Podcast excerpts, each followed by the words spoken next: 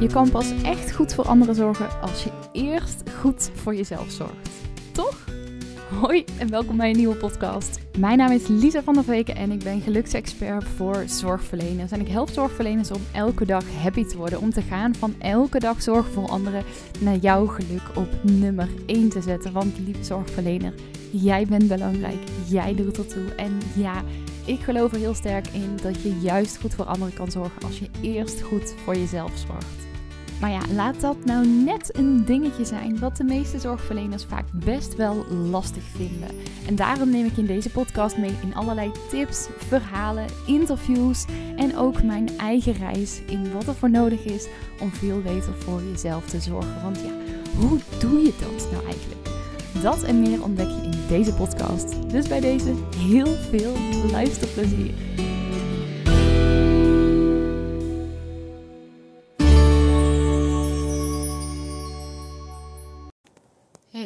Goedemorgen. Althans, voor mij is het op dit moment goedemorgen. Voor jou misschien middag of avond. Welkom bij deze podcast. Het is super tof dat je weer bent uh, ingetuned. Ik zit op dit moment te kijken naar een prachtige mooie sterrenhemel boven mij. Echt, het is echt...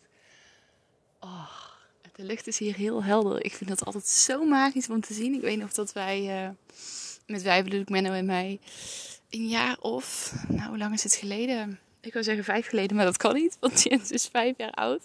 Ik denk inmiddels misschien zelfs al een jaar of zeven of acht geleden. Ze hebben op vakantie geweest naar uh, Marokko. Hebben daar een rondreis gemaakt. Echt een prachtig land. Ik werd toen ook verliefd op het land. En um, toen hebben we onder andere een nacht ook um, bij de Bedouinen, moet ik het goed zeggen, de Bedouinen volgens mij geslapen.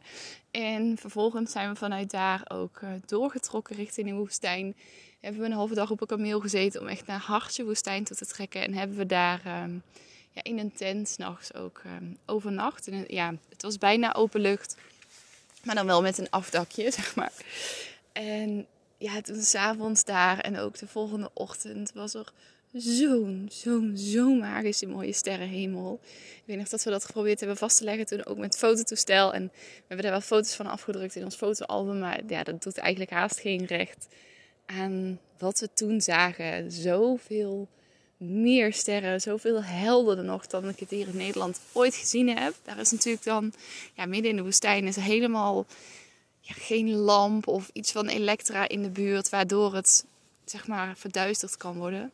En hier in Nederland hebben we dat natuurlijk wel. Wat maakt, ook al zit ik nu in de polder, dat ik lang niet zoveel sterren zie als dat er zijn. Maar ik vind dat altijd zo magisch uitzicht. Ik kan daar echt enorm van genieten. Vooral dan zo'n aantal hele heldere sterren. Ik vind dat fascinerend. Nou goed, daar gaat deze podcast verder niet over. Maar daar moest het me even denken. Dus nu uh, tien voor half zes in de ochtend. En als het goed is, kan ik zo meteen ook de zonsopgang aanschouwen. Maar waar ik het vandaag over met je wil hebben. En de podcast is eigenlijk de enige plek waar ik het ook gedeeld heb afgelopen week. Zo heel voorzichtig.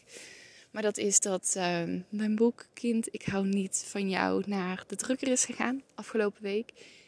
En dat ik eigenlijk in die week en in de weken daarvoor nauwelijks zichtbaar ben geweest. En dat de reden daarvoor is dat ik het eigenlijk ook heel spannend vind. En ook best een beetje eng vind om het boek nu echt uit te gaan brengen. Ik zat afgelopen zomer helemaal in de flow met het schrijven. En ik was zo enthousiast. En ik werd met de dag meer verliefd op het verhaal. Wat ik mocht delen. En dat gevoel zit er ook echt nog steeds. Maar het voelde een beetje de afgelopen weken naarmate zeg maar het drukke dichterbij kwam. En daarmee ook ik bezig ben met oké, hoe ga ik de marketing daarvoor opzetten? Hoe ga ik ervoor zorgen dat dit boek zoveel mogelijk mensen bereikt? Want ik voel ook echt wel aan alles dat het voor heel veel mensen heel veel kan betekenen. Dat je er geen postnatale depressie voor gehad hoeft te hebben. Dat je zelfs bij wijze van niet eens moeder hoeft te zijn. Dan denk ik wel dat het boek met name voor ouders, maar zowel voor moeders als voor vaders, heel veel kan betekenen. Dat je er zelf. Het is geen boek met allemaal oefeningen. Er staat helemaal aan het eind zit er één oefening in. Maar voor de rest is het vooral echt een, een ervaringsverhaal. Maar dat je juist, omdat ik het zo rauw, zo open, zo eerlijk, zo puur deel, heel veel inzichten voor jezelf ook uit kunt halen zelfs al heb je best een oké um, zwangerschap gehad, heb je best een goede start gehad. Maar er zijn toch altijd struggles waar je als ouder tegenaan loopt. En ik geloof dat iedere ouder herkenning kan vinden in dit boek. Dat durf ik echt voluit te zeggen. Dus mocht je het boek nog niet gekocht hebben, bedenk zo ook even. Of mocht je het boek al wel gekocht hebben, mensen kennen waarvan je denkt: oh, hier kan het mogelijk wel echt geschikt voor zijn. Raad het aan. Mijn daar zal ik zo meteen ook echt nog wel wat meer over delen. Maar is echt om ja, dit verhaal gewoon zo groot mogelijk te verspreiden. En weet je, vooral omdat binnen de hele wereld van ouderschap en moederschap. En ik zie wel op heel veel plekken dat het steeds meer doorbroken wordt. Maar eerst er nog steeds wel een beetje taboe dat het leuk moet zijn. En dat het altijd maar leuk is. En dat het niet kan gaan over de mindere momenten. En dat kan in mijn geval zijn dat het de mindere momenten dat ik er echt helemaal doorheen zat. Maar dat kan ook gewoon zijn van joh ik wilde heel graag moeder worden, maar ik ben het nu gewoon even zat. Ik wil mijn kind achter het behang plakken en dat dat een half uur later weer weg is. Maar dat je die gevoelens wel hebt. Of als vader zijn, dat je ziet dat je vrouw het soms zwaar heeft en dat je er graag meer voor haar zou willen zijn, maar niet weet hoe. Want er zijn ook in het boek zijn er drie hoofdstukken vanuit Menno's perspectief beschreven.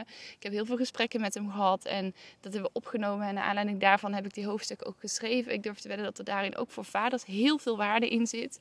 Of als je partner bent van iemand met een postnatale depressie, dat je daar heel veel aan kunt hebben.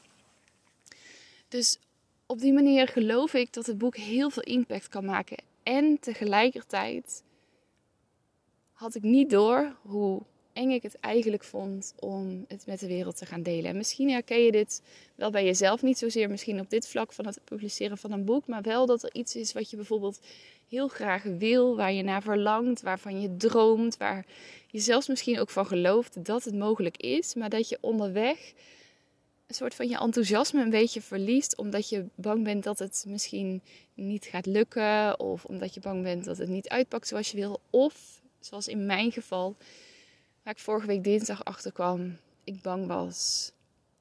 Enerzijds om te falen, maar vooral om me volledig mezelf te zijn. En mezelf te laten zien middels dit verhaal. En ik wil je even meenemen in wat ik daar precies mee doel, bedoel. En hoe ik daar ook achter ben gekomen en hoe ik dat voor mezelf, nou ik zou niet willen zeggen heb doorbroken, want ik ben er nog steeds wel mee bezig, maar aan het doorbreken ben.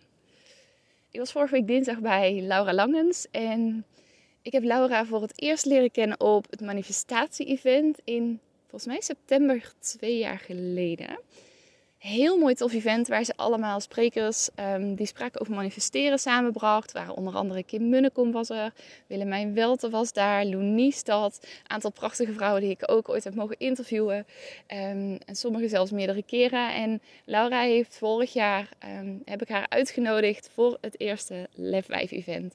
Dat event gaat inmiddels niet meer plaatsvinden, maar daar heb ik twee edities van gedraaid. Vorig jaar op moederdag ook uh, nota bene. En uh, de tweede keer afgelopen jaar in april. En ik vond, Laura sprak zelf dus ook op het manifestatie-event. Ze had dat helemaal georganiseerd. En ik vond het zo fantastisch. Alleen al hoe ze dat aanpakte. Maar ook, zij heeft uh, vier hele mooie kinderboeken geschreven. Waaronder Droommensen, wat gaat over uh, Lana. Over een meisje wat um, heel graag een konijntje zou willen. En hoe, dat dan, hoe dat ze dat vervolgens gaat manifesteren in het boek. Echt een aanrader als je kinderen hebt. En je wilt je kinderen meer leren over de wet van de aantrekkingskracht, over manifesteren of überhaupt over het realiseren van je dromen, over dat alles mogelijk is, dan is het echt een heel mooi boek. Het heet Droommensen van Laura Langens. En zij las dat ook voor toen op het podium. En ik dacht echt, oké, ik wil jou als spreker als ik ooit een event ga organiseren. Dus nou, zo gezegd, zo gedaan. Ik heb haar gevraagd. En het grappige of het mooie was ook nog dat uh, zij woont in een dorpje ongeveer, nou, is het kilometer van waar ik ben opgegroeid in Brabant. En ik was afgelopen dinsdag dus ook weer bij haar op bezoek. Want zij had dus vier kinderboeken heeft ze uitgebracht. En dat heeft ze allemaal in eigen beheer gedaan. En ik heb haar op een gegeven moment een berichtje gestuurd. Terwijl ik aan het nadenken was over ja, hoe wil ik dit boek straks de wereld inbrengen en wat is er eigenlijk allemaal überhaupt voor nodig? Want voor mij is het voor het eerst dat ik dit doe. En dat ik dacht, ja, weet je, hoe kan ik dat nou beter leren dan van iemand die dat zelf heeft gedaan? Dus ik had Laura een berichtje gestuurd, zo van, hey Laura, uh, mijn manuscript is bijna af. Uh, zou je me willen helpen om ja, me te vertellen hoe ik zeg maar, dit boek uit moet brengen? Hoe heb jij dat destijds gedaan en mag je daar wat vragen over stellen? En stelde ze voor om bij haar langs te komen. Ze heeft een heel mooi atelier in Geffen. En waar ze dan ook, uh, ja, ze, is ook echt fantastisch coach. Je moet er gewoon eens op gaan zoeken. En waar ze dan ook vrouwen ontvangt die ze coacht. En uh, daar ben ik dus langs geweest afgelopen dinsdag. En ze had ook heel mooi een, uh, een sheet getekend. Is heel goed in beeldend tekenen van hetgeen wat ze bedoelt. Dus dat had ze helemaal ook op, um, op een flip over. Had ze de weg zeg maar uitgetekend van het schrijven van een boek. Naar uiteindelijk het publiceren. En vervolgens ook het grootste wereld inbrengen. En ik heb daar gezeten vanaf, wat is het, tien uur s ochtends denk ik, tot een uur of kwart over één middags volgens mij ben ik gegaan. Iets meer dan drie uurtjes daar geweest. En de hele ochtend uh, ja, heel enthousiast, lekker gekletst over wat er nou allemaal voor nodig is. En gewoon praktische dingen ook die erbij komen kijken. Een aantal dingen had ik al gedaan, zoals ISBN-nummer aanvragen. Het boek aanmelden moet je dan officieel doen bij Commissariaat voor de Media. Die beschermt jou zeg maar, als auteur dat er geen lagere prijs voor je boek gevraagd mag worden als je boek ergens verkocht wordt. Uh, maar ook hoe het zit met boeken in de boekhandel krijgen, eventueel in de bibliotheek. Um, wat slim is qua marketing. Allerlei tips en ideeën daarvoor. Dus ja, het was gewoon heel tof. Het was ook heel gezellig. En we waren de begin van de dag al gestart met het trekken van een kaartje. Ik werk ook heel graag met kaartendeks. En Laura ook. En zij heeft een hele andere kaartendeks dan ik. Dus um, we waren aan het begin van de dag daarmee gestart. En vervolgens aan het eind zei ze... Uh, wil je voordat je gaat nog een kaartje trekken? Dus uh, ik dacht, ja, dat, dat wil ik gewoon doen. En ze liep naar een, uh, een kastje toe bij haar in het atelier. En dan had ze, ik denk een stuk of acht, negen kaartendeks op staan. Dat ik ook zei, wow, je hebt veel. Ik heb er zelf volgens mij vijf. Maar ze zegt, ja, ik heb er hier een aantal. En binnen heb ik er nog meer bij haar thuis. Maar ik voelde me direct een soort van aangetrokken tot één kaartendek. Met een hele mooie lichtblauwe kant. En ik weet niet meer exact hoe het heet. Maar de wijsheden van het universum. Of iets in dit rand. En nou, dat resoneerde ook meteen. Dus ik pak daar een kaartje uit en ik draai het kaartje om. Ik weet niet meer exact hoe het heet, maar het had iets te maken met amethyst. Hele mooie uh, paarse steen ook. En ze begint het kaartje voor te lezen en ik voel aan alles, ja, dit klopt.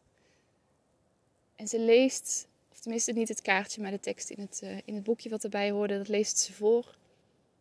En ze vraagt vervolgens, en ik weet niet meer exact of dit precies haar woorden waren, maar voor mij kwam het binnen als: Ben je bang om te falen met het schrijven van je boek? En net als nu was ik heel even stil en vond ik het een lastige vraag, maar ik voelde ook aan alles dat ik het een hele spannende vraag vond. Maar dat ze wel met die vraag een soort van de spijker op zijn kop sloeg van iets wat ik al weken voelde, maar niet goed onder woorden kon brengen. Waarvan ik het niet goed kon plaatsen met wat er nu precies speelde. Dus ik zei ook tegen haar van, ja, nee, ik denk het niet, maar misschien toch ook wel. En we raakten daar wat over in gesprek. En waar ik achter kwam is, ik ben niet zozeer om te falen met dat, bang om te falen met dat het boek niet goed genoeg is. Ik durf te wedden dat het een fantastisch boek is. Daar zit geen twijfel over. Ik ben ook niet bang dat ik het niet genoeg verkocht kan krijgen. Maar waar ik wel bang voor ben, is dat ik met dit boek, juist omdat het zo open, zo eerlijk, zo rauw vanuit mijn beleving geschreven is, gekwetst kan worden omdat ik volledig, maar ook echt volledig mezelf ben in dit boek. En dat ik daarop afgewezen kan worden. En niet alleen dat ik daarop afgewezen kan worden, maar het is ook een verhaal dat gaat over ons gezin, Gijs komt er vrijwel niet in voor, behalve ergens in het boek. Ik zal nog niet met even klappen, maar ergens in het verhaal komt, um, komt Gijs ook een stukje voor. Onze jongste zoon. Maar het is een boek wat ook gaat over ons gezin. Over Menno, maar vooral ook een boek wat niet alleen gaat over Menno en mij. Maar uiteindelijk ook over de babytijd van Jens. En daarin word ik dan ook geraakt. Want en daar zit de angst in, daar zit hetgene wat ik spannend vind. Ik ben vroeger vanaf groep 3 gepest geweest op de basisschool. En ik kan me vooral zelf heel erg de momenten in groep 3 en in groep 8 herinneren. En mogelijk is het daar tussendoor ook wel geweest. Misschien is het wat minder toe geweest. Maar die herinneringen staan me niet zo goed bij. Maar ik ben halverwege groep 2 ben ik um, de klas overgeslagen naar groep 3 ik had heel erg buikpijn. En mijn ouders namen mij keer op keer mee naar het ziekenhuis. Omdat ik s'nachts hele erge aanvallen had van buikpijn. En er kwam steeds maar niks uit te onderzoeken. En toen stelde een juffrouw voor van ja, misschien is het niet fysiek, of de juffrouw van groep 2, die stelde dat voor. Misschien is het wel mentaal. Er was in ons dorp namelijk eerder een meisje wat ook hele uh, heftige fysieke klachten had. En wat uiteindelijk bleek dat dat mentaal was in de zin van dat ze niet mee kon in de klas, omdat ze eigenlijk al vooruit liep op de rest van haar klasgenootjes. En de juffrouw van groep 2 zei tegen mijn ouders, misschien dat dat wel eens ook wel het geval is. En dat heeft er uiteindelijk toe geleid dat ik um, voor de, ik weet het niet eens meer exact, voor de herfst- of de kerstvakantie dat ik een dag meega en ben gaan draaien met groep 3. En dat toen schijnbaar bleek dat ik qua leren, lezen, rekenen, et cetera, al verder was dan de klasgenootjes van groep 3. En ik na die vakantie vervolgens ben uh, overgeplaatst, halverwege het jaar. En dat heeft gemaakt dat ik me eigenlijk vanaf dat moment niet echt thuis heb gevoeld bij mijn omgeving.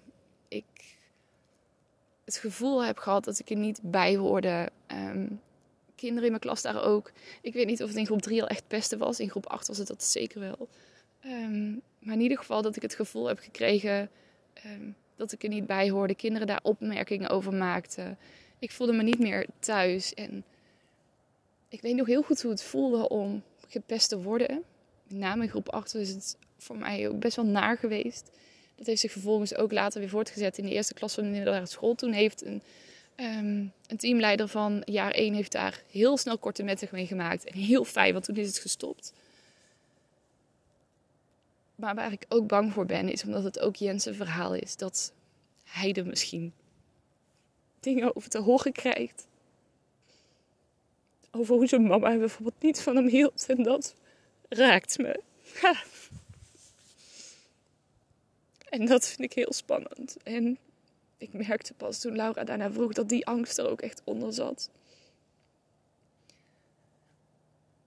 Maar vervolgens ook de vraag komt: ja, kan ik mezelf daardoor laten tegenhouden? Wil ik mezelf daardoor laten tegenhouden? Door die angst. En ik denk dat dit ook ha, de reden is dat het vrij weinig zo open gedeeld wordt, omdat er gewoon best wel een angst heerst destijds, toen ik me zo depressief voelde, was ik bang om mijn kind kwijt te raken als ik zou deelde hoe ik me echt voelde. Ik ga ondertussen even lopen, want ik moet richting huis. En dan gaat zo sporten. En ik had afgesproken om op tijd thuis te zijn. Um, maar destijds was ik bang dat als ik deelde wat er werkelijk in me omging, dat ik mijn kind kwijt zou raken. Dat de kinderbescherming ingeschakeld zou worden. En dat is een van de grootste redenen waarom ik destijds het niet gedeeld heb samen met. Ik wilde graag moeder worden, dus ik mocht niet mijn kind niet willen op dat moment. Ik mocht niet zwak zijn. Ik moest vooral maar niet laten zien hoe ik me voelde. En ik had zelf ook niet door hoe erg het eigenlijk echt met me gesteld was. Maar het feit dat deze angst er nu zit, betekent voor mij niet, en dat was een heel mooi inzicht wat ik kreeg toen ik het er met Laura over had. Dat betekent voor mij niet dat ik nu dus ga zeggen, ik ga het boek niet delen. Maar juist meer motivatie geeft. Ook al vind ik het heel eng. Ook al vind ik het heel spannend om dit verhaal dus wel te delen. En het boek wel te publiceren. Maar dat is dus ook de reden geweest dat ik niet gedeeld heb dat het naar de drukker is gegaan. En Laura vroeg mij dezelfde ochtend heel mooi: wat is eigenlijk je missie met dit boek? En mijn missie is dus enerzijds echt om dit open, eerlijke verhaal te delen. Om het taboe daarin ook te doorbreken.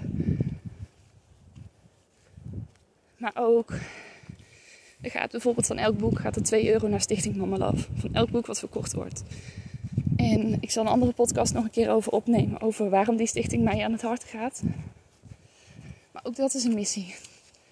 Om zoveel mogelijk boeken ook te verkopen. Zodat ik zoveel mogelijk ook bij kan dragen aan dat prachtige, mooi, fantastische doel. Het is een missie om een stem te geven aan depressie, aan de nare gebeurtenissen in het moederschap.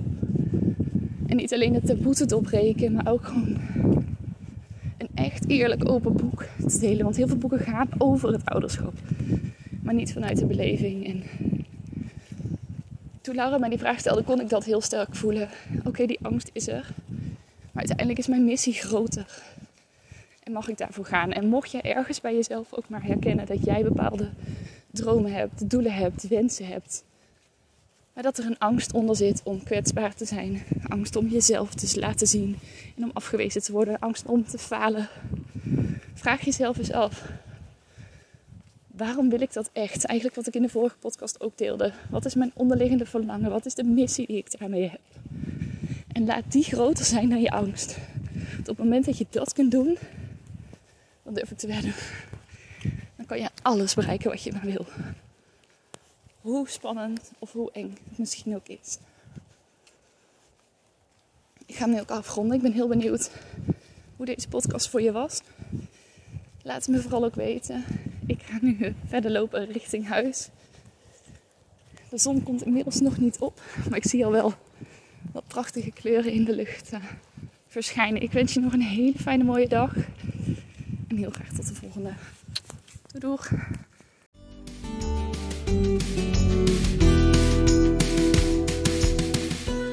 Yes, en dat was hem dan alweer. Mocht je nou nieuwsgierig zijn naar meer, check dan eventjes lisavanderweken.nl of zoek me op op Instagram, @lisavanderweken. Als je deze podcast nou super tof vindt, abonneer je dan vooral eventjes en laat een korte review achter op iTunes of op Spotify als je daar 30 seconden hebt geluisterd. Dan uh, kan je daar de aflevering een aantal sterren geven. Als je hem 5 sterren zou willen geven, zou ik dat ontzettend waarderen. Want daardoor kan de podcast weer verder verspreid worden en kunnen veel meer mensen veel dichter bij zichzelf komen en ook dat fijne, gelukkige, vervulde leven gaan leven. Voor nu wens ik je een ontzettend mooie dag en heel graag tot de volgende. Doei doei!